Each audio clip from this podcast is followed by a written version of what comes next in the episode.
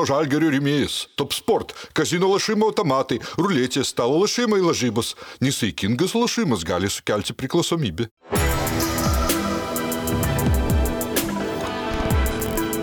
Šviturys ekstra nealkoholinis. Tai, ką sugebame geriausiai.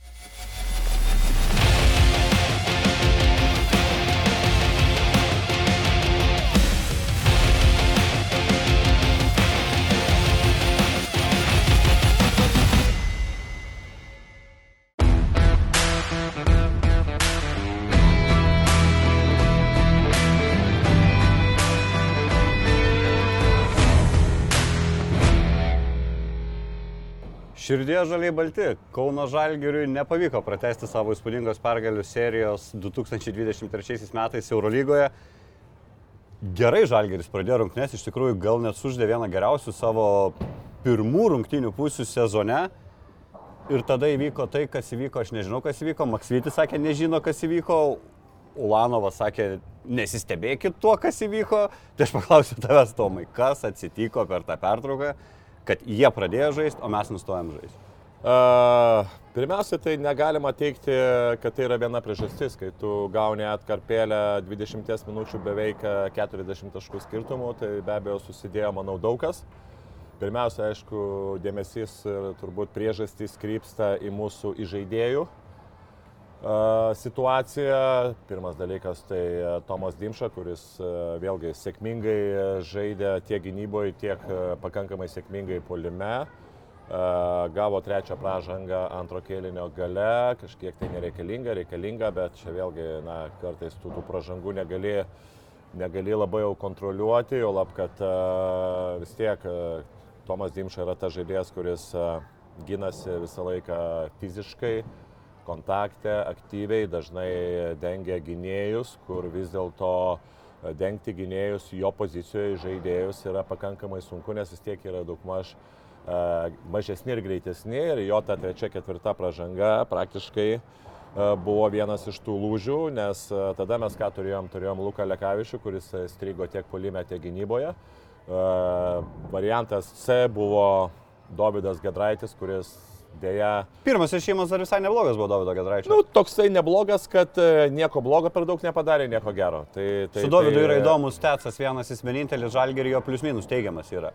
Taip, nu, nepaisant taip, tų nepaisant. tos paskutinės minutės, kurį išleido trečiam kelniui ir kur prarado du išlės kamuolius, taip. ten 0-6 beros pabaigėm, bet vis tiek jau plus 2 liko. Taip. Tai realiai Tu sakai, pagrindinė priežastis būtent mūsų žaidėjų nefunkcionavimas, neatsiradimas žaidėjų vietoj to modelių. E, viena, viena iš priežasčių tokia, kitas be abejo Luko įleidimas trečio kėlinio pradžioje, čia kaip ir gavosi, kad uh, kol kas mes startinius penketus jau, jau penktose rungtynėse žaidžiam labai gerai ir einam į priekį su būtent Tomu Dimša startinė, startinėme penkete, dėl to ir greičiausiai ir nebuvo Aizė Tayloras leistas į startinį penketą, nors kaip ir bebūtų jisai buvo perkamas praktiškai tik tai dėl startinio penketo įžaidėjo pakeičiant Kinaną Evansą. Toliau trečias kilinys su Servenas Vesda, lygiai ta pati situacija, išleistas Aizė Tayloras, kur yra natūralu, nori, nori kažkiek jam duoti ir kažkokio pasitikėjimo, ir avansų kažkiek kreditų, bet vėlgi tas nebuvo sėkminga, mes vėl pralaimėjome atkarpą ir čia lygiai ta pati situacija, aš lygiai taip pat būčiau daręs, kai tu turi plus 15 ir tavo pagrindinis žaidėjas turi 3 pražangas, natūralu, kad pagrindinis taikinys iš karto būtų Tomas Dimša, plus tie žaidėjai yra pakankamai aktyvūs žaidėjai, tiek, Paryšly, tiek galų galę gale tiek gynėjai, tai iš antros, trečios pozicijos žaidėjai, kur gali daug maž keistis ir Tomą Dimšą lygiai taip pat atakuoti. Tai buvo išleistas Lukas Lekavičius nu ir prasidėjo tai, kad, ką aš ir minėjau prieš tai, labai svarbu, kai tu laimi, kai tu laimi du kėlinius, ta trečio kėlinio atkarpa, ypatingai tai komandai, kuri pralaimi, nes tada gaunasi kas, kad tu per pertrauką vis tiek kažkiek nusiramini, tu vėl pasikrauni kažkokios motivacijos iš trenerio, tu vėl gauni kažkokio nu, papildomos tos energijos ir ta rungtinių pradžia tau labai yra svarbi, kad ar tu tas varstyklės tu dar esi varžybose, ar galų gale kažkiek tai tas, tai išlaikai 15 taškų minus ar ten pliusą iš, iš kurios komandos žiūrint, ar tada jau tu nuvažiuoji ir ten jau virš 20 taškų yra labai sunku, ypatingai tu kuo aukštesniam lygiai Eurolygos, nuo ko tada jau būtent ypatingai, kai pas Pantinaigos yra to tokia psichologija, tai ten minus 20 būtų, manau, kad uh, galėjo rungtynės pakreipti visai, visai kitą linkmę. To nebuvo, Žalgeris išėjo vėlgi, nepaisant to, kad su kažkiek tai na, prastesnių penketų ir ypatingai na, Luko Lekavičiaus, kur, kur tikrai kol kas ne, ne, nebuvo jo tos, tos, tos sėkmingos rungtynės tiek polime, tiek gynyboje. Prasidėjo nuo ko? Prasidėjo nuo labai lengvo, lengvos gynyboje klaidos, kur, kur, kur Gudaitis pakartojo idėją iš viršaus. Nu ir tada kas prasidėjo? Tada prasidėjo tai, kad pradėjo Parisly koncertuoti, Lukas Lekavičius nefunkcionavo jo 2 prieš 2, kur prieš, galbūt prieš Papajanės būtų daug efektyvesnis, bet Arturas Gadaitis, na, jisai gerai daro stepautus ir na, Lukas Lukas nieko negalėjo padaryti. Mes pradėjom nefunkcionuoti polime, gynyboje įsivažiavo žaidėjai, pasijuto psichologiniam tokiam pranašume, emocijoje. Vis dėlto, nors ir tų žiūrovų nebuvo daug, bet e, žiūrovai irgi kažkiek tai, na, e, užkilo ir davė tą tokią emocinę būklę. Nu, ir gavosi taip, kad e, ta komanda vis dėlto jinai yra gera komanda, bet Gerų žaidėjų, labiau gerų rinkinys. žaidėjų, ne? taip, gerų žaidėjų rinkinys, bet kai duodi įsižaisti, matom, kas gaunasi. Aš dar turiu versiją, kad per ilgąją pertrauką Panatinaikos gavo atlyginimus gal už kokius tris mėnesius prieš tai negavo, nes ne tik mes sustojom žaisti, bet ir jie kaip pradėjo žaisti. Aštuoni taškai Panatinaikos pelnyti antrajame kelinį, tai rodo, na ir jų prastą žaidimą ir superinę mūsų gynybą ir tada 37 trečiam. Mes antrą pusę pralošėm 39 taškais, tai yra pakartotas Eurolygos rekordas antros pusės, kuris beje Panatinaikos pakartojo savo klubo rezultatą prieš kelis metus pasiektą Paris Ly turbūt tas kertinis žmogus, kuris ir nužudė Žalgerį, pagerino savo karjeros rekordą ir na, visiškai kišeniai įsidėjo Luką Lekavičių, ten, sakau, bau- baudžiamojo kodekso straipsnio verta tai, ką Paris Ly išdarinėjo su mūsų žaidėjais. Nėra jis toks talentingas ir toks geras žaidėjas, jisai jau kelintą sezoną Eurolygoje ir, na, ne iš tų, kur, pavyzdžiui, bent jau aš nudžiugčiau, jeigu Žalgeris pasirašytų tokį žaidėją. Kas leido, nu, nėra tokio lygio skirtumo. Lukas psichologiniai dobėjai yra, tiesiog pasisekė, sukrito tie trajekai. Žinai, e, vienas, vienas paprastas dalykas. Iš jo pradėjo būtent prieš jį e, eiti per apačią. Tai yra prie rollinės sistemoje. Bet Maksvidis tada- sakė, tokio plano nebuvo. Čia irgi keista. Čia ne? irgi keista, taip, nes Lukas Lekavičius ėjo per apačią, ten kažkiek davė tą stepautą ir, ir, ir, ir, ir Lukas ėjo, ėjo, ėjo bandė, bandė eiti anderiu, kas uh, iš vienos pusės yra, na, žinai, tas vis tiek, kaip bebūtų, pavyzdžiui, kaip pamatėm, kad jisai gali pataikyti, uh, būtent su juo, jeigu tu žaisi agresyviai, ypatingai aukštai, aišku, tu turi kampuose žaidėjus tokius kaip Derek Williams ir Bacon ir tada, jeigu Parisli numestų ir tu ištrauktum tos kitus žaidėjus, aišku, tu palieki visiškai e, er, didelės erdvės žaisti viens prieš vieną nu, jų lyderiams. Kažkiek tai turi rizikuoti, bet aš manau jau po pirmo ar po antro tritaško jau reikėjo kažkiek tai keisti ir dengtis tikrai aktyviau. Kita vertus, na matėm, kad tie metimai, e, galbūt vienas tas metimas buvo kažkiek tai sunkesnis, bet tie metimai, metimai praktiškai buvo laisvi. Kai jisai pajuto, pa- pajuto tą metimą, jis yra tikrai greitas. A, Pradėjo prieš Tomą Dimšą, Tomą Dimšas pakeitė, Tomą Dimšas, Tomas Dimša pakeitė a, Luką Lekavičių ir su trim pražangom bandė eiti arčiau, bet vėlgi buvo tokia, vėlgi toksai e, kaip ir kampas, kur e, tu nukreipinėjai į dešinę pusę, bet tu negali atidaryti visiškai linijos tos į krepšį, ką, ką Tomas Dimša ir, ir padarė. Ir paskui gavosi taip, kad, na, kai toks greitas žaidėjas pajunta metimą, jisai gali ir mesti, jisai tu ateini arčiau, jisai gali prasiveršti, tų kampuose dar turi daug tų kitų žaidėjų, kurie lygiai taip pat gali pataikyti. Ir ką matėm, pirmoji pusėje atrodo, liektai buvo vienas tritaškis, pato prasidėjo ta tritaškai ir visumoje viskas nuo to ir prasidėjo. Tu davėjai pajusti žaidimo ritmą, davėjai pasitikėjimą Panatinaikos komandos lyderiams, galbūt ne lyderiams teisingiau, o vienam žaidėjui, kai vienas žaidėjas pradėjo koncertuoti, tada iš karto automatiškai atsidarė kiti ir gauna, gavosi tokia grandinė, kad e, iš to pasitikėjimo, kokį turėjo Žalgeris ir kokią davė Panatinaikos jiems, viskas išėjo atvirkščiai ir kita vertus, Na, trūko labai va tokiais momentais, nes uh, jie pradėjo labai fiziškai, jie pradėjo labai aktyviai dengtis ir būtent uh, Žalgiris nerado to žaidėjo, kuris galėtų, galėtų tom atsiradusim labai erdvėm pasinaudoti žaidimo vies prieš vieną. Tai aš, aš taip galvoju, O šituo momentu labai trūko Aizė Tayloro, kuris galėjo draskyti būtent tą tokį įsiplėtusią ir aktyvę gynybą. Ir manau, kad... Bent jau persivaryt kamolį per aikštę. Persivaryt kamolį ir taip toliau. Ir, bet, kaip sakant, gavosi, kas gavosi, kaip gavosi. Bet kita vertus, sakau, čia yra Eurolyga ir, ir sakant, jeigu žiūrint iš paskutinio rungtynių, tai tas vis dėlto, kaip mes pagalvojus, žaidžiam be žaidėjo, tas tikrai turėjo nutikti. Galėjo, aišku, būti ir kitaip, galėjo vis dėlto Žalgeris, jeigu ten netomo Dimšas, galbūt ir ta situacija būtų visiškai kita. Ne, ne, nebūčiau nustebęs, kad to, prie vat, būtent su tokios sudėtis ir tokio žaidimo galėjo būti ir plus 25, bet uh, paleidom kažkur tai tą momentėlį, kur galėjom nuvažiuoti ir tada gavosi, kad traukinys jau nuvažiavo ne į mūsų pusę. O kas tas yra gerai, mes čia tarkim dabar duodam pylos, tarkim, mūsų žaidėjim, kuriam tikrai buvo bloga, bloga diena. Bet principė niekas nebefunkcionavo antroje pusėje, kiek laisvų metimų nesumetė, Mūlė nieko nepataikė, Šmits nieko nepataikė. Čia taip ir yra kaip kortų namelis, ta psichologija labiau turbūt, kai pradeda nesisekti ir tada antram, trečiam, ketvirtam ir, na, atrodė, Apsitas žalgeris, aš tokio žalgerio neatsimenu, mes prie šilerio neturėjom turbūt tokių blogų atkarpų kaip šitie du kelniai. Jo, nu tai aš manau, tas ir pasijuto kažkiek tai žaidėjo vis dėlto pozicijoje, nes, nu, nuo to ir prasideda. Kaip bebūtų, žaidėjas vis tiek turi duoti tą tonusą, jis sudai, turi sudaryti kažkokį vieną kitą bent jau uh, progelę, pusprogę tiem žaidėjim, kad jie galėtų ten ar iš klauzakinės situacijos, ar kažkokiu laisvesnį išmestus metimus. Matėm, kad to nebuvo.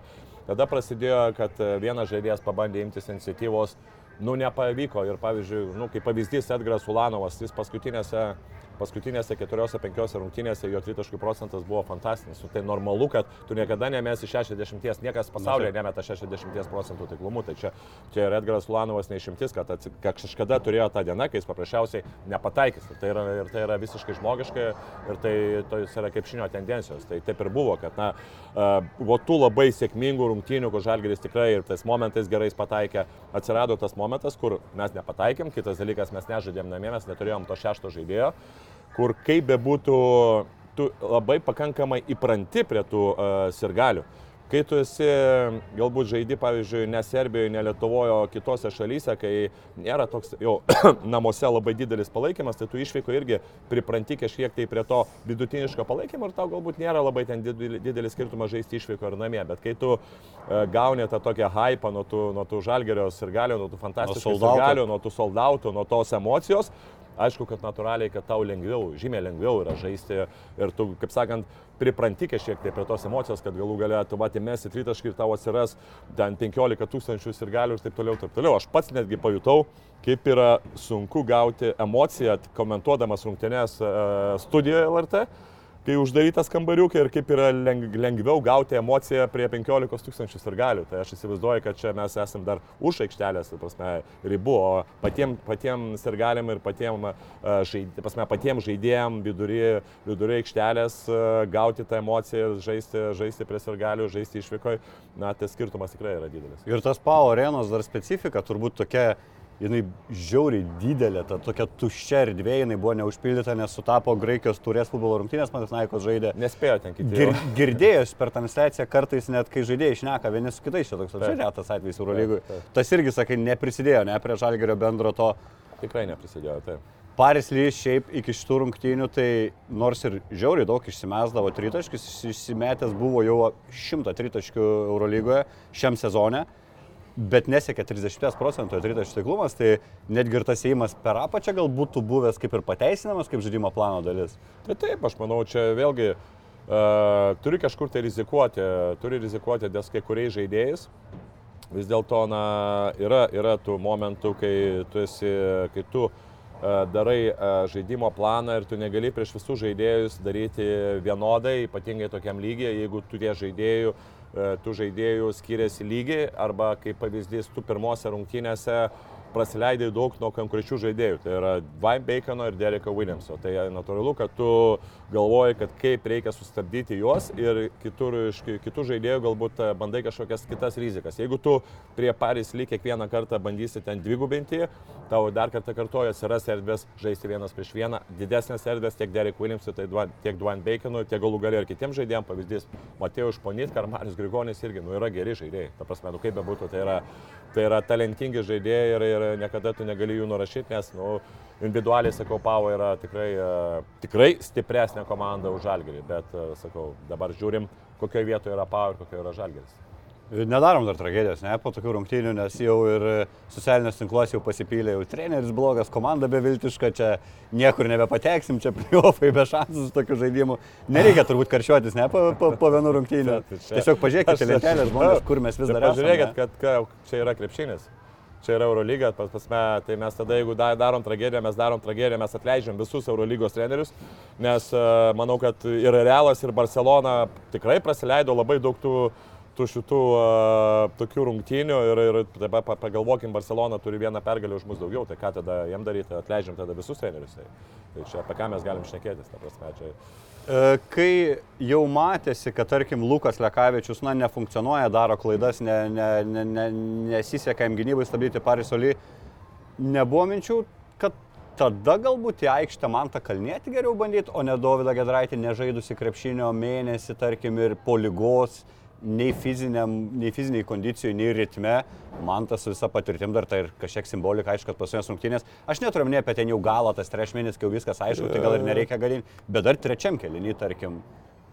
Žinai, kai Kazis Maksytis teisingai pasakė, atsukus laiką atgal, galbūt galėjai pagalvoti, kad blogiau, nebūtų, blogiau nebus, bet, bet kita vertus, tai man tas kalnėtis irgi, jisai, na, nebuvo žaidybiniam ritme, jis tikrai nežaidė daug minučių nei LKL, nei, nei būtent nei Eurolygų. Iš vis praktiškai beveik nebuvo įžengęs ten porą galbūt ten tų rungtynių, tai aš manau net, net aš lygiai taip pat, kai tos rungtynės tau slysta iš rankų ir tu turi Dimšą, tu turi Lekavišų ir tada, nu, ką leisti, ar Dovydą Gedraitį, kuris, na, tikrai momentais buvo visai visai neblogai uh, užaidęs tose rungtynėse ir nu, negali žinoti, prasme, kaip, kaip, kaip bus. Dabar mes visi gudrus esam pasakyti, kad galėjom galbūt tą daryti ar galėjom tą daryti, bet aš lygiai taip pat būčiau tikrai leidęs ne, ne man tą kalnėti, o Davidą Gedraitį. Bet okay. dabartiniai situacijoje, kai tu matai, kad Davidas Gedraitis ten prarado porą kamuolių, tai aišku, kad būt, galbūt ir galėjo leisti ir man tą kalnėti, bet kita vertus,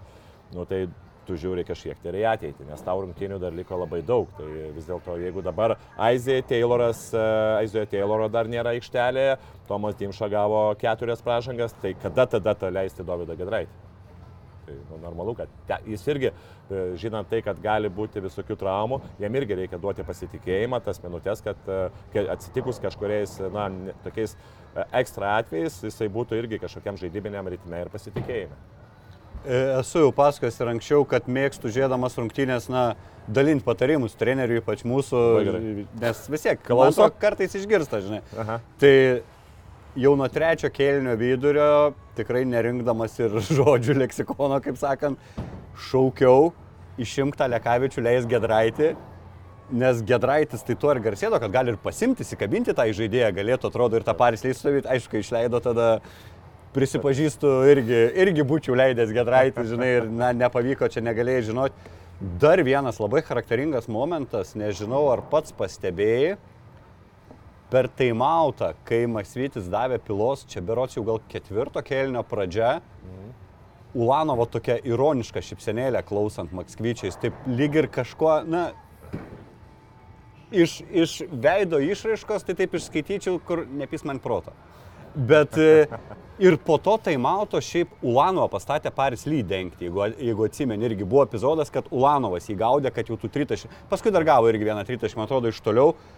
Bet va toks kažkoks kapitono klausant trenerių ir toks sušipsenėlį ir galvos šiek tiek papurtimas, man tas nelabai patiko. Nu, žinot, ne, aš nepastebėjau, aš šiaip kiek aš... Aš atsisuksiu nufilmuosiu telefoną. Gerai, bet žinok, kiek aš pastebėjau, nu tikrai, Kazis Masytis, kai duodavo Vilnių, Tai visi penki žaidėjai, ką aš matau kitose, būna, kad kitose komandose, kai ten žiūri taip arba žiūri, na kiek aš mačiau, visi žiūrėjo akis ir žiūrėjo tikrai linksėjo, aš manau, na, nežinau, žinok, nemačiau to epizodo, gali būti, gali kartais žaidėjams, na, žinai, galbūt kai tu iškovoji tiek pergalių, Natūralu, kad aišku, visi Kazį Maksytį myli tikrai ir visi gerbė ir kartais, e, na, būna to tokios situacijos, kai blema, to, kai tu sakai, ne, ne, ne, neknistų ten man proto ir taip toliau, bet kita vertus ateina tas momentas kaip blema, nu, tai mes vis tiek viską darėm, nu, ne mūsų rungtynės, nu, pralaimėjom, nu, ką tu šiek nesiprotą, nu, okei, okay, paleidžiam tas rungtynės, važiuojam toliau, žiūrėk, mes ir taip su tokia sudėtim esam aukščiau,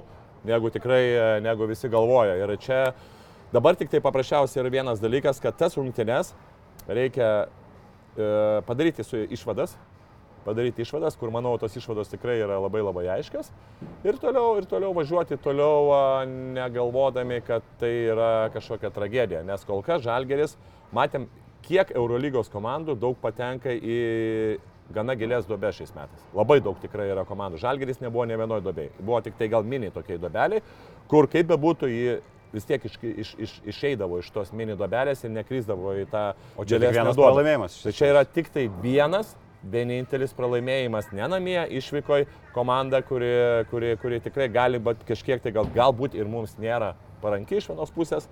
Kita vertus, na, buvo tikrai tų situacijų, kai, nu, su, sutikim, kad to žaidėjo trūkumas tikrai, na, tikrai pasireiškia. Ir dabar kita vertus pagalvoji, ar tu galvoji, kad su išeidamas su nu, Tomo Dimša, kuris a, niekada prieš dar sezoną negalvoja, kad tai yra eurolyginis žaidėjas, nu, galbūt kažkiek tai tarp Eurocapo ir taip toliau, nes, nu, nereikėjo nei Šileriui, nei kitiems žaidėjams. Joba neįžaidėjas. Būtent.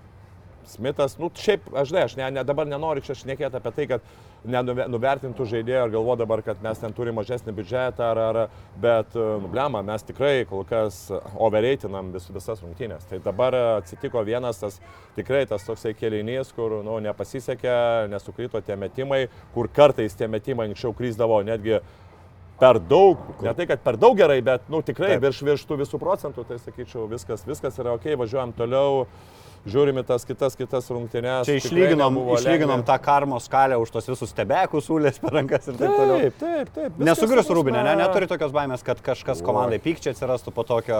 Klausykit, jeigu būtų dabar 7-8 rungtynės pailiui, aš tada suprantu. Dabar jeigu tu po vienų rungtynių čia darai kažkokias išvadas, palaukit, tai kas čia yra. Nu, čia mes turim dabar žaisti, nu, tai gal laikim tada į NBA ir, ir ta prasme, ir tenai, ta prasme, už tai kiekvieną pralaimėjimą ten dar kažką tai atleidinėkim treneriai ir taip toliau. Nu, čia, čia, ta prasme, čia aš aišku jau visiškai fantazuoju, bet manau, kad viskas yra gerai, viskas yra logiška, komandos tikrai patiria pralaimėjimus, važiuojam, važiuojam toliau.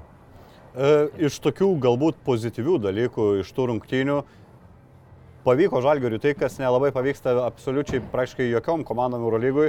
Beikoną tai mes sustabdėm, ne? Su 13 taškų Beikonas pabaigė rungtynės iš žaidimo pataikydamas 3 iš 11 metimų. E, Kas veikia, kas leido stabdyti, dažniausiai visgi Arną matydavom prie Beikono. Jo, bet e, aš nesakyčiau, kad labai jau buvo kažkoks super žaidybinis planas ar super kažkokia aktyvi gynyba, kad Baconas, kad mes sustabdėm Baconą. Buvo tų epizodų gal trys, kur Baconas e, veržėsi į savo dešinę pusę ir įmetė taškus. Buvo, kai jis įmetė keletą tų sunkesnių metimų, buvo, kai jis veržėsi į kairę pusę, jam neleido į dešinę pusę ir jisai ten vieną, jeigu neklystu, užsibaigė, gal dvi ar trys padarė ten tokias klaidas arba neteisingus metimus e, ir pražangas. e, Ir, ir, ir davė ten tas metimus ir kažkokias klaidas padarė, tai sakyčiau, galbūt atsirado kiti žaidėjai, atsirado kiti žaidėjai, kurie pradėjo temti komandą ir Beikonų galbūt jau ir suprato, kad e, nereikia per daug kištis, nes yra kiti žaidėjai, kurie tempia komandą ir tų žaidėjų tikrai yra, buvo, yra ir buvo nemažai. Marius Grigonis, šešios minutės, nei karto nemetė į kažį, keturis taškus susirinko baudom. Kaip tau žiūrisi, jisai nu, netrodė, kad kažką blogai, nu ir bandė tą agresyvumą ir kamuolį pasėmė po netaiklaus baudos metimo, išprovokavo vėl pražangą, to atrodė aktyvumo, bet e, antroji pusėje nežengė į aikštę. Žinai, Marius yra toksai žaidėjas, kur a, šiaip įsumuojasi visose komandose, aš atsimenu dar nuo jaunimo. Tai žaidėjas, kuris kiekvieną kartą turi turėti, e, būti svarbus komandai, kuris yra, turi labai dažnai būti su kamoliu, kuris turi tas lyderystės e, gislelį ir e, kaip bebūtų, tas žaidėjas aplink kuri penketę turi sukti žaidėjai, kur jam galbūt jisai turi sudaryti progas kitiems, jisai turi daugiau būti su kamoliu, jisai turi žaisti pick and rollą.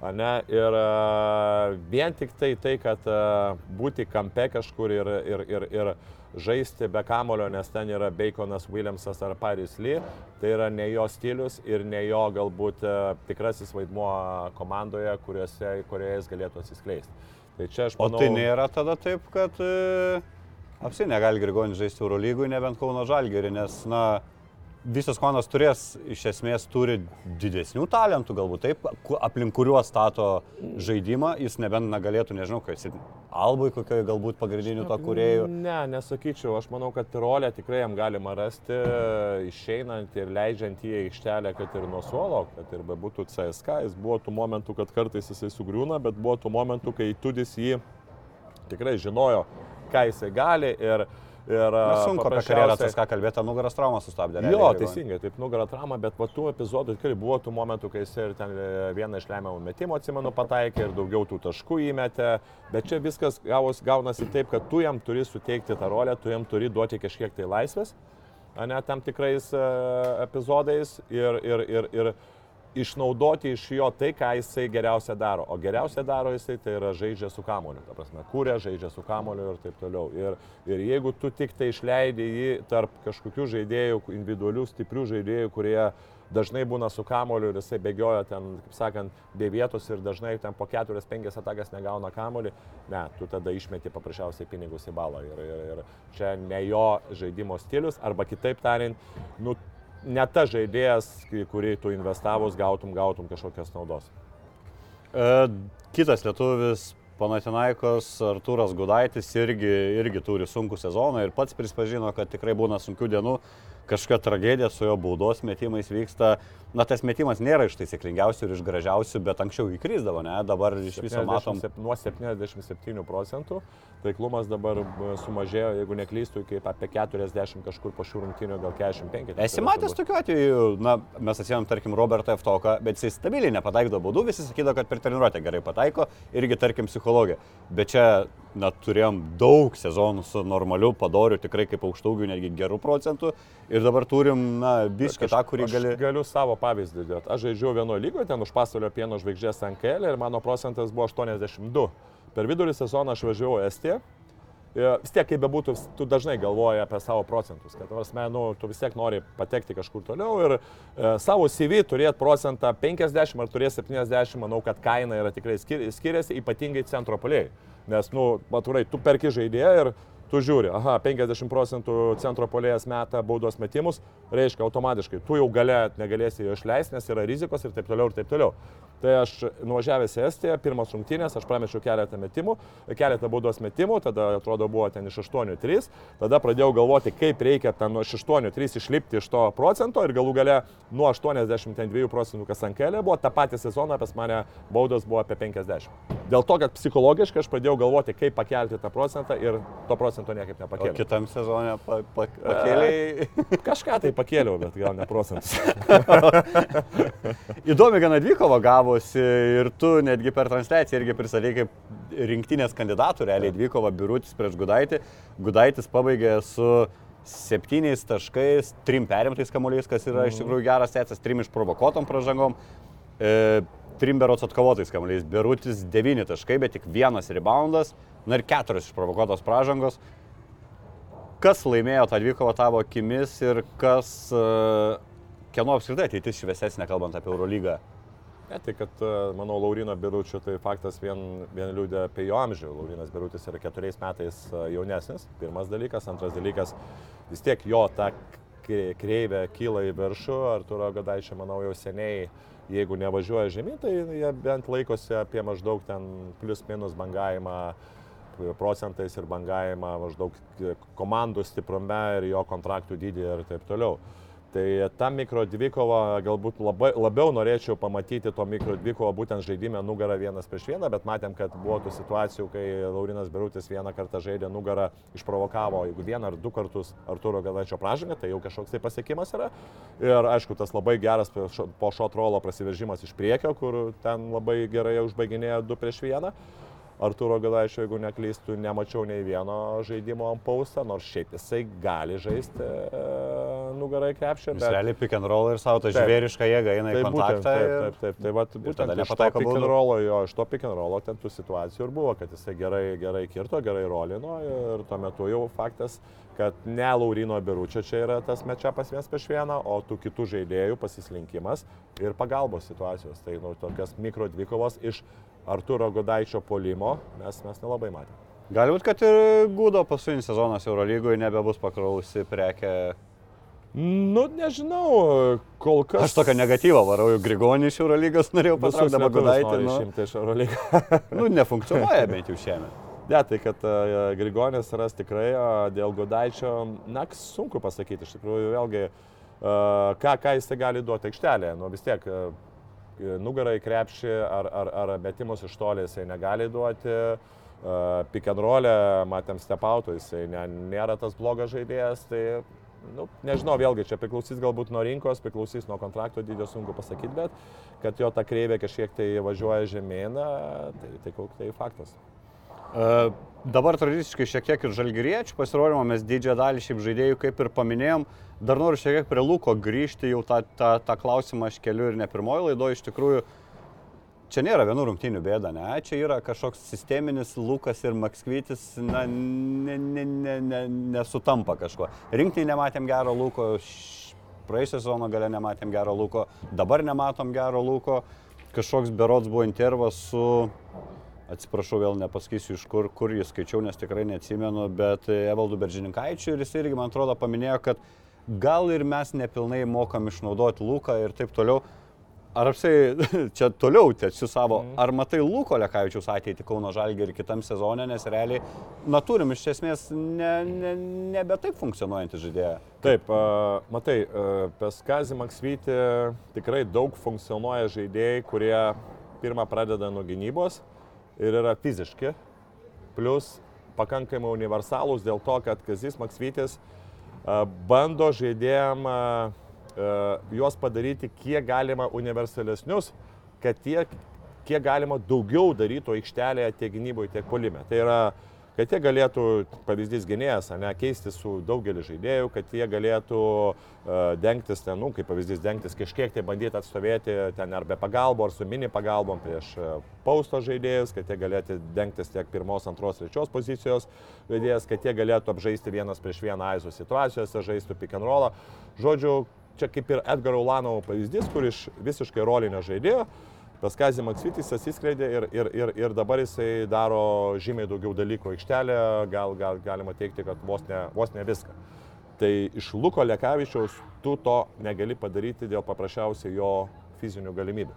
Tai yra dėl jo ūgio, dėl jo nu, gležesnio sudėjimo, prasme, ir galbūt dėl kažkiek tai dėl jo tos fizinės būklės, kur kartais ir praeitais metais mes matėm, kad jo greitis, jo ta geras fizinis pikas tiesiogiai įtakoja jo rezultatus aikštelė ir jo žaidimo kokybę.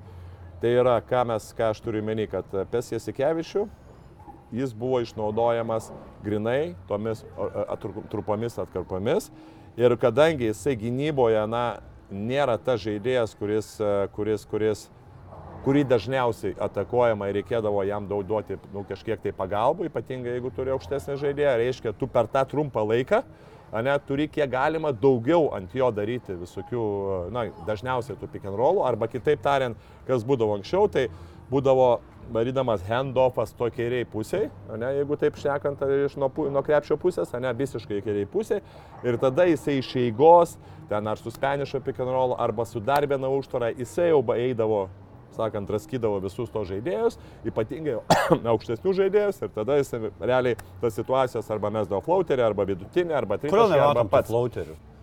Ka kažkas žaidime kitaip, kad jisai nebe... Tai va, aš Ar greitai tai... jau pametęs šiek tiek yra? Ne, tai aš manau, kad jo, kažkiek tai jo ta fizinė būklė nėra dabar gera. Pirmas dalykas, antras dalykas. Kodėl? Manau, kad uh, sunku pasakyti, ne, nežinau, žinau, sunku pasakyti. Ta prasme, čia vėlgi yra... Yra, pro, galima teikti, kad uh, vis tiek kai tu esi tam žaidybiniam ritme, labai daug priklauso tavo fizinė, na, būtent kiek tu dirbi ant fizinio pasirengimo, tai yra pirmas dalykas, ir kiek tu, tas yra uh, žaidimo ir poliso balansas. Kiek, tu, kiek tavo ta žaidimo fizinė būklė eina ten į priekį, ar ten pasilieka galbūt tam pačiam lygiai ir taip toliau, taip toliau. Tai šito dalyko vėlgi, na, reikia būti viduje, suprasti, kodėl nėra. Bet uh, aš manau, kad čia šitais momentais galbūt ir vieną kitą kartą galėtų labiau išnaudoti ir labiau galbūt daryti tos tokius mini derinukus būtent ant Luko Lekavičiaus. Kita vertus, dabar aš savo kažkiek irgi priekaštauju, kad jį, kai tu jau Luką Lekavičių leidai po Tomo Dimšos ketvirtos pažangos, tu supranti, kad jisai negalės žaisti tas 2-3 minutės, kur tu galėsi viską ant jo daryti, o jisai jis turės žaisti aikštelėje 7-8 minutės. Kai žais 7-8 minutės, faktas, kad tu negalėsi kiekvieną ataką skirti jam, kad uh, vis tiek Pavargs bus elementariai. viena, antra pavargs, o jeigu žais daugiau minučių, tu kažkur turėsi uh, minusą būtent gynyboje. Ką dar čia turim? Įgio vėl, e, na, slogas rungtynės iš tikrųjų, nors pradžia daug žadanti, pataikė tritaškį iš kampo, atrodė, gal, gal tai bus jo diena, bet daugiau ir neišmetė nei vieno tritaškio, kas irgi keista. Jau man bent jau taip žiūrint, atrodo, kad pas jį toks atsiradęs, jis mėgdavo tą savo podriblingo išsimetimą ir visada velnių gaudavo nuo Maksvyčio, kad ko tu nesiverži ir dabar netgi irgi buvo tokių momentų, kur lyg ir gal jau galvotų apie metimą, bet matos, kad jau yra kažkoks, kad gausi pizduliai, dėl to lipi tą savo medį. Ir Pavyzdžiui, kažkaip net nėra, nėra pykčio dėl pirmoji pusė tų netaiklių metimų, nes praškai visus pataisė komandos draugai, net ten po vieno Heisas įdėjo, vieną Dimšą patipino, nes sutraukė jis tos visus žmonės. Jo, čia Ats- vėlgi taip, galim teikti, kad kažkiek ir jam galima to, to, to Toks pusė asisto bent jau. Taip, taip, taip, taip. taip. E, Bet antram kelniui tai tiesiog miręs kaip ir visas žalgeris buvo, tai gal irgi čia nei per daug nu, tokios, na, eilinės blankės rungtynės. Aš ne? pasakysiu taip, Įgis kartais nejaučia to ritmo, ko, ko nori iš jo Kazis Maksvitis, nes e, aišku, būtų ten pataikęs vieną kitą tą vidutinę metimą, atrodo, tada būtų kitaip. Bet e, čia ir gaunasi, kad jisai įmetė tą tritaškį, tada pradėjo žaisti iš pirmo pick and rollo, metė vidutinį metimą, aš pas asmeniškai irgi esu prieš daugiau tuos e, metimus ant iš pirmo pick and rollo iš vidutinio nuotolio, nes gaunasi, kad e, kai tu gale, kai tau ne, nerandi kitų būdų mesti lengvesnių metimų, ar iš pokrepšio, ar tos potapinio tritašką, tada jau tu pasirinkai kažkokį tokį, na, kitą būdą ir tas kiti būdai po, kiti tie būdai po varimo, ar ten vidutinis metimas, tada jau kaip ir, kaip ir viskas ok, žinai, bet kai tu nuo pat pradžių pradedi mesti tą vidutinį metimą, na, aš, pavyzdžiui, gynyboje tai leisčiau, kiek nori mesti, jeigu tu ateini tenai meti iš, iš, pirmos, iš pirmos opcijos tą vidutinį metimą, nu, tai vis tiek nėra tas, tas geriausias, pagal procentalį geriausias būdas. Kitas dalykas, įgi vėl ig- igno ta pati bėda nusimetimas. Ta prasme, jisai apeina žaidėjas, įsitraukia, yra tų žaidėjų laisvų, jisai jau užsikoduoja savo, kad e, kai aš darau prasiveržimą, kaip tokiuose, nu, skilsų treniruotėse, aš va dabar darau kažkokius ten judesius, vieną kitą, praeinu pro žaidėją, stoju ir aš dabar galvoju, ką daryti. Aha, ten vienas judesys, verpstė, pagazinimas, taip toliau. Ir va būtent jisai kartais to atrodo, kad pradeda žaisti toj mini situacijoje vienas prieš vieną, negalvodamas, kad e, yra dar ir kitų žaidėjų, kur turėtų greičiau at, e, atmesti, atmesti kamolį. Tai va čia dar to labai trūksta ir kol kas aš to progreso mačiau keletą situacijų, bet ne visada. Ir tas labai netinka žalgeriui, nes per žalgerį yra tas žaidimas, kai tu įsiveržinėjai ir numeti, tada atsiranda labai daug tų opcijų ir, ir, ir tada tas komandinis žaidimas e, funkcionuojame žymiai geriau, plus gynyba, tai žai, gynybai dengtis yra žymiai sunkiau, kai kamuolys vaikšto labai smarkiai ir kai yra žaidėjų, kurie dažnai gali prasiveržinėti ir numetinėti ant rytašką. Na, apginant kažkiek įgį, tai turbūt jo komandos draugai, bent jau didžioji dalis, kalbu apie lietuvius, tą komandinį žaidimą nuo kokių 8 metų, kai pradėjo jam dėkti treneriai, tai taip ir dėgia, o, o Ignas penktą mėnesį turbūt bando žaisti tą, tą europietiškai, ne individualiais įgūdžiais paremtą krepšinį, bet man pradeda kilti klausimų dėl Igno Brazėkio krepšinio įkų. Jo, bet žinok, jūs taip per daug irgi nesutikčiau, jeigu tu žiūri NBA, žinok, tai, nu, ant kiek ten tikrai, sakau, dažnai. Tai Ignas ir ne NBA žaidėjas, ir ten... Nu, taip, bet vat, šnekant apie bendrai apie. Ameriką ir apie NBA, tai tenai tie perdavimai ir tie sprendimai, žinok, yra dar aukštesnis lygis negu Eurolygoje. Ir kas galvoja, kad taip yra ten daug tų galbūt ir kartais ne, nelogiškų sprendimų, bet kita vertus tikrai yra labai daug, labai daug tikrai tų situacijų, kai kartais kamuolys vaikšto taip, kad mes net paprasčiausiai aik- aiktelį ir galvoja, kad nu, tai yra visai kitas lygis negu Eurolyga. Pageriant dar Brazdeikį, pageriant kažkiek dar Brazdeikį, tai vis tiek reikia atkreipdėmėsio penki atkovoti kamuoliai, iš jų du polimi ir tik viena padaryta klaida, kai šiaip komanda tikrai daug klydo, tai bent jau tame kažkiek galbūt pozityvo. E, Karolių Lukošiūną išbandė Maksvytis šiose rungtynėse vieną tritaškį pataikė, bet irgi nedaug praleido turbūt ne iš tų, kuris kažkiek įtakoja apskritai tą žaidimą, tai nežinau, ar vertas didesnio aptarimo.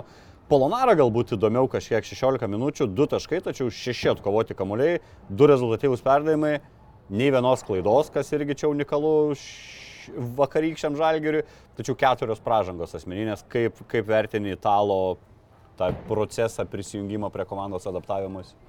Bandė, bandė kažkiek, tai aišku, tu vienas prieš vieną situacijos e, jau gale rungtynių.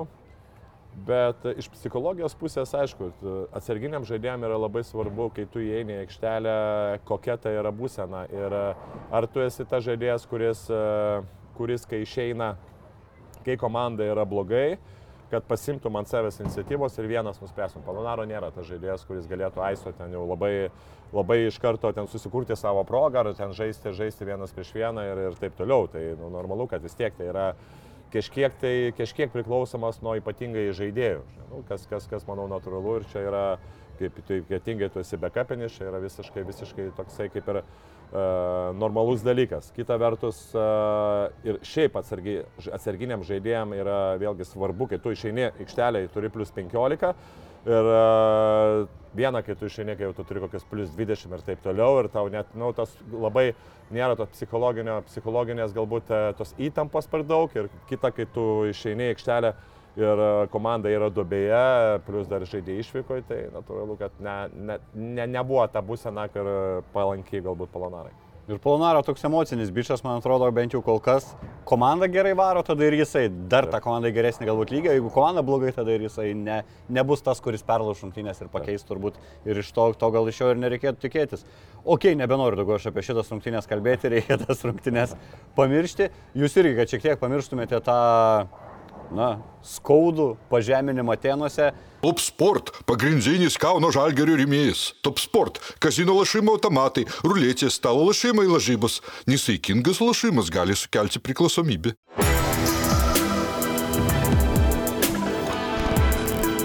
Šviturys ekstra nealkoholinis. Tai, ką sugebame geriausiai.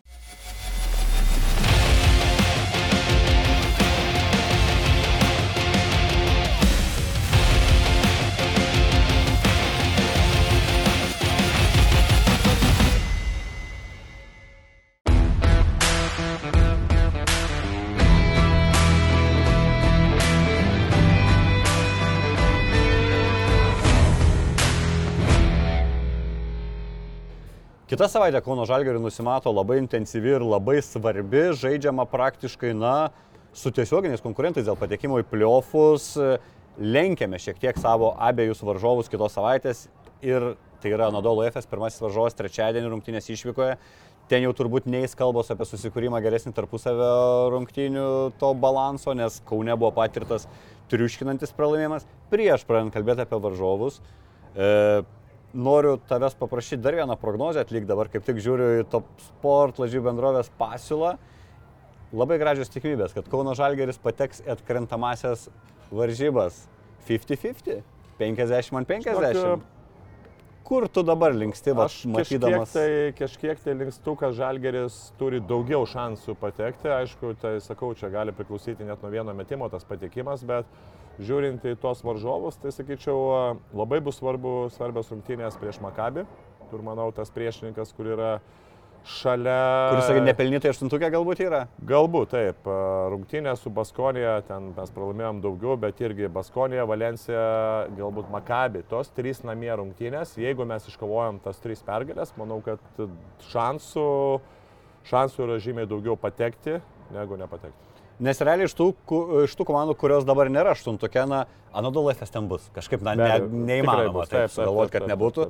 A, apie Emporio Armani turbūt jau taip nebešnekam, ne? Jau per toli turbūt pradeda penki. Aš ką, ką matau, tai ten, aišku, Baskonė reikėtų apsižaisti. Cervenas Vesda, nu, grįžta, grįžta Kampaco, nežinau, kokią dar galbūt ten vieną kitą žaidėją ten ar ten nusipirks ar nenusipirks, bet jie ga, galimai gali šauti, galimai gali šauti irgi į viršų, bet uh, kaip bebūtų dabar ten porą pergalių mes esame daugiau turim už juos ir tas porą pergalių dar įtakoja tai, kad mes turim pliusą, pliusą minusą. Aišku, yra galimai dar gali būti tos uh, trys ar keturios komandos, uh, tai tada vėlgi skaičiuosis galbūt ir ne tik tai su Cervenas Vesda, bet ir su kitom komandom, tai čia vėlgi uh, Na, taip, situacijų taip, taip. gali būti labai daug, bet kad mes, mūsų šansai, manau, dabar yra daugiau negu 50 Aš, aš, aš tuo tikiu. Kokį 60-40. Jo, bet kita vertus, aišku, čia, žinai, prognozuoti dabar šiais, metais Eurolygo yra labai sunku, tai yra traumos ir taip toliau, aš bet irgi prašoviau su to Panetanaikos irgi lygiai taip pat, bet e, galbūt e, kai Aizė Tayloras iškrito, taip ir vad galvoju, kad labai bus e, svarbu, kaip sužaisti žaidėjai, nes nu, su žaidėjais mes, mes tikrai buvom, buvo, tą problemą tikrai turėjom. Pamatėm tokias rungtynes kaip vakar prieš Panatinaikos, tai ir nebejoju ir mūsų busimi priešininkai darys analizę ir pamatys tą silpną žalgerio, tą skaudulį, neturėjimą žaidėjo, neturėjimą žmogaus, kuris gali na laisvai bent jau pereiti spaudimą. Nebus, kad smauks mūsų mažiukus nuo pirmų minučių ir Partizanas ir Efesas kitą savaitę. Kaip su tuo tvarkyti? Žinai, apie Efesą tai mm, tie žaidėjai daugiau yra tokie polimo žaidėjai. Tai aš nesakyčiau, kad uh, kad Atamanas išsireikalaus, kad Larkinas ar Misičius ten spaustų, spaustų žaidėjus. Tai aš manau, kad dėl Anadolo... Ne apie tai ta komanda. Ne, ne apie tai ta komanda, vis tiek ta komanda daugiau yra apie polimą, kur ten reikia paprasčiausiai trim žaidėjams pasidalinti kažkokiu būdu tą vieną kamolį. Va, o Partizanas jo, Partizanas pradeda nuo gynybos ir čia, čia kažkiek tai galit, galim turėti problemų. Kita vertus, aišku, priklausys e, ir to trečiojo žaidėjo, tai greičiausiai Dovido Gedraišio ta kažkiek gerėjantį sportinę formą. Manau, kad jam dabar yra labai svarbu nepalūšti nuo tų, po tų poros prarastų uh, kamolių ir po tos nu, nesėkmingos atkarpos šios dienos rungtynės. E, nuo Nadolų, kaip jau minėjau, buvo tikrai skaudžiai pralaimėta namuose. E, kas keiščiausia, visada ieškau, kas iš žalgeriečių gerai suždėtas rungtynės, galbūt jam tai parankus priešininkas, tai tas rungtynės geriausias žalgerio žaidėjas buvo Kevino, tai jo irgi neturėsim. Tada ir Evansas, kur iki tol e, be, be suklydimų, praaiškiai, žaidęs visas rungtynės, e, visas kitas rungtynės, irgi atrodė blankus. E, ar mum apskritai įveikiamas toks priešininkas kaip Anadolo FS? Aišku, kad kovojantis dėl vietos plyofose. Įveikiamas, aš manau, Anadolo dabar, tu pasižiūrėk, Anadolo komandos rezultatus prieš ką jie pralaimė ir prieš ką jie laimė. Tai yra, jie pralaimė prieš Pau, jie pralaimė prieš Valenciją. Prieš namie. anything, jo. Taip, ta prasme, jie pralaimė prieš tas komandas, paskui jie nuvažiuoja į Barceloną ir, ir užtikrintai, užtikrintai nugali Barsą. Mus čia prims kaip Barcelona labiau ar kaip pasvėlį, iš kurios čia mes lentynas. Tu žiūri į lentelę, tai jeigu tu, kaip sakant, esi, nu, nekvai, aš manau, nemanau, kad jie, jie yra... Bet gal jie žės tik į praeitų rungtynių tarpusavio bokskorą, ne? Jie, jie, aš manau, jie žiūri, kaip patekti dabar į playoffus. Tai čia pirmas jų dalykas. Tai norint patekti į playoffus, reikia uh, visus konkurentus, kurie yra toje lentynoje, kažkaip pašalinti. Tai Žalgeris, manau, yra konkurentas numeris vienas. Tai manau, tikrai Anadolo jau susikoncentruos šimtų procentų ir, ir na, tose rungtynėse. Aš sakau, ten prognozijas, bet Žalgeriui bus tikrai sunku ir galbūt vėlgi yra tas momentas, kur taip negalima sakyti, bet taip prognozuoju, kad galbūt nepaėjus kažkuriam tam tarpui vėlgi daryti kažkokias e, mini išvadas, daryti kažkokius sprendimus ir galvoti bent jau apie tai, kad pasimti pergalę rungtynėse prieš Partizaną. O su Nodolu, aš manau, tenai yra, yra sunku ir žiūrint į istoriją, kaip mes ten žaidžiam, nu, taip Yra du, du FSO žaidėjai dabar jau yra žalgerio žaidėjai, aišku, tik vieną iš jų matysim, bet vėl turbūt e, sunku būtų prognozuoti, kad Hilė e, Polonara dar kažkokią įtaką tom rungtynėm padarytų. Dar trumpai, kaip tavo akimis pasikeitė FSO žaidimas grįžus Larkinui. E, kaip ir nematėm iš esmės šiam sezonė to Big Free, kas gal nebuvo dar įprasta iš esmės Europoje, jau anksčiau, okei, okay, visi prato Myčičių su Larkinu, kažkaip jie ten pasidalindavo to kamoliu, dar nepamirštam to pačio Bibua, kuris realiai mus ir nukilino Kaune, tai jisai jau turbūt lieka tas šešėlinės, jau trys tie superiniai talentai. Larkinas dadeda tai komandai, ar visgi daugiau ten yra tvarkos e, du tos superstarus? Nedadeda, aš manau, dadės. Dabar kol kas ir jo ta statistika nėra labai spūdinga ir pagal tą žaidimą matom, kad na, jo, ir ta sportinė forma nėra labai gera ir jam reikia dar įsivažiuoti prie, būtent prie Klaiborno, nes matėm, kad Klaibornas dažniausiai nestartiniam penketę pradeda. Bet kita vertus, čia yra tik tai laiko klausimas, kada jie vėl susižais, kada jie pajus, pajus vienas kitą, kaip, kaip galų galę dalintis atsakomybėm ir kaip dalintis kamoliu. Nes anksčiau būdavo taip, kad uh, Misičius žaidžia porą atakų 2 prieš 2 arba 1 prieš 1, Larkinas kažkur kampė ilsisi, tada pasilsėjęs Misičius eina į, jo vietą, tada pasiema Larkinas kamuolį, visi kiti ten tik tai kovoja dėl, e, kovoja dėl kamuolių arba ten stato kažkokias užtvaras ir daro kažkokius rolinius, rolinius sprendimus. Tai dabar dar vieną reikia žmogų priimti į tą, į tą grupuotę, tai yra Klaiburna, tai čia reikia vėlgi to laiko, kaip jie įsidalins tomis rolėmis ir pasidalins tuo vienu kamuoliu. Ok, ir penktadienį atvažiuoja pas mus e, Želko su savo kariauna, neipatingai sėkmingai žaidžiantis šiame sezone Partizanas. E, Keturias išlės pergalės jie yra iškovoję namuose, tačiau išvykose tikrai žaidžia prašiau. E, namuose jie nugalėjo ir mus. Tada realiai išsprendėm visas problemas susijusios su varžovų polimu, apart Panterio. Panteris tada jungė Kevino Duranto režimą, pataikė viską, turnarounderius tuos ir iš vidutinio nuotolio ir tritaškius. Kokia tai komanda, ar tai užtenka tik Panterį sustabdyti, žiūri į tos stecus, tai keturi tokie turbūt esminiai žaidėjai, amerikiečiai, na ir Australas vienas, tai Lesortas Panteris, lydėjai. lydėjus, Lesortas, Dante Eksumas. E, tai yra ta tokia ašis, galbūt silpnesni tie vietiniai krepšininkai. Koks yra partizanas, kaip reikia prieš jį žaisti ir ar tikrai ta komanda žiūri priklausoma nuo savo namų aikštelės? E, Na tiek, e, čia turbūt aš jau atsakiau prieš tai klausimą, kad e, ypatingai tie jaunesni žaidėjai, jiem yra labai svarbu tas toksai namų pranašumas ir žinant, kai, kokie yra fanatikai serbus ir galiai, tai normalu, kad jie žaidžia namie tiek, tiek Cervena, tiek Partizanas. Na gal Partizanas labiau, nes Cervena turi šiaip gilesnę sudėtį, Partizano sudėtis tikrai nėra gili ir kaip tu teisingai... Jų geriausi žaidėjai tik brangesni negu Taip, Cervenas. taip, taip, bet jų būtent žaidimas ir priklauso. Tai yra Panteris, kuris, kuris irgi dažnai išeina nuo, nuo suolo ir tada pradeda savo žaidimą, da- daug žaidimo vienas prieš vieną. Zumas irgi lygiai taip pat, kur tu gali kažkiek tai rizikuoti ant tritaškio.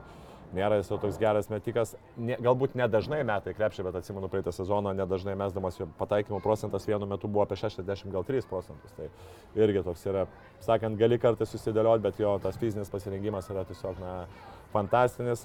Aišku, mums pažįstamas lydėjai, Lesortas, kuris toksai gal, ir atradimas yra, ant kiek jo Žvėris. jisai gerai eina polime dėl kamuolių, koks jo yra šuolis, kokia sprokstama jėga tokia. Blokuoja kiek Man metimų. kažkiek tai primena galbūt dar protingesnę ar, ar fiziškesnę Nybo versiją. Tai čia irgi taip pat.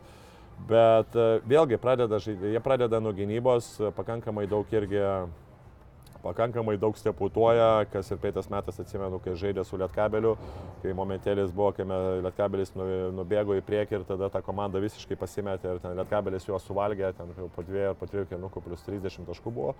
Tai sakyčiau, čia irgi yra emocinė kažkokia komanda, nes vėlgi tada Želko, Želko paraudonuoja ir ten duoda visiems velnių, duoda visiems velnių, tai čia vėlgi yra, yra, yra, yra daug tų yra niuansų, bet kita vertus, žiūrint į patį, patį partizanų žaidimą, tai yra kažkiek tai gerai, kad, e, kad e, tos atsarginiai suolelis e, nėra, nėra, labai, nėra labai ilgas.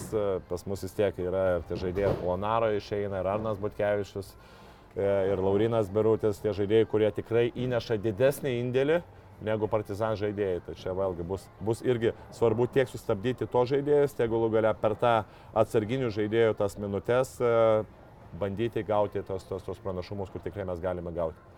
E, Kalbant apie Želko, kalbant apie Partizaną, kalbant apie klubinį serbų krepšinį, net ir tu prieš tai paminėjai, kad tai realiai nuo gynybos turėtų būti žaidžianti komanda, bet tai yra blogiausiai besignanti komanda Eurolygoje, daugiausiai praleidžianti taškų.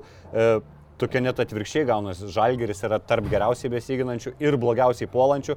Partizanas atvirkščiai yra trečias geriausias puolimas pagal pelnomus taškus ir pati blogiausia gynyba.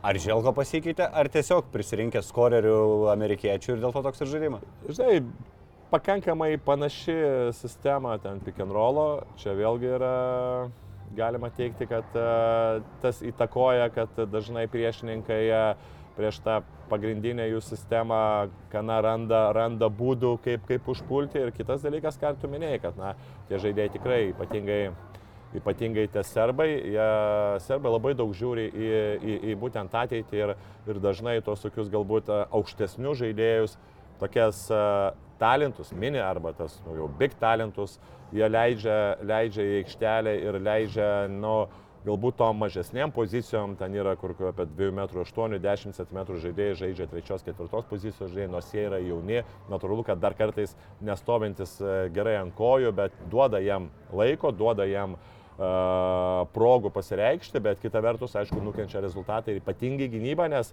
dažnai priešininkas atakuoja būtent, būtent tos, tos žaidėjus. Na ir tavo prognozija, Tomai, pralošime išvyką ir laimėsim namuose? Taip. Taip, tikrai taip. Mes jau atpažįstam vienas kitą, kad tai net nereikia atsakymų. Na, ačiū, kad žiūrėjot, neliūdėkit, e, grįžtos pergalės, ne, ne, nevarykit per daug ant žalgeriuko, viskas bus gerai ir mes susitiksime kitą savaitę jau po dvigubos savaitės ir tikiuosi su daug geresnėm nuotaikom. Iki. Top Sport – pagrindinis Kauno žalgerio rėmėjas. Top Sport – kazino lašimo automatai, ruletės, stalo lašimai lažybos. Nesaikingas lašimas gali sukelti priklausomybę.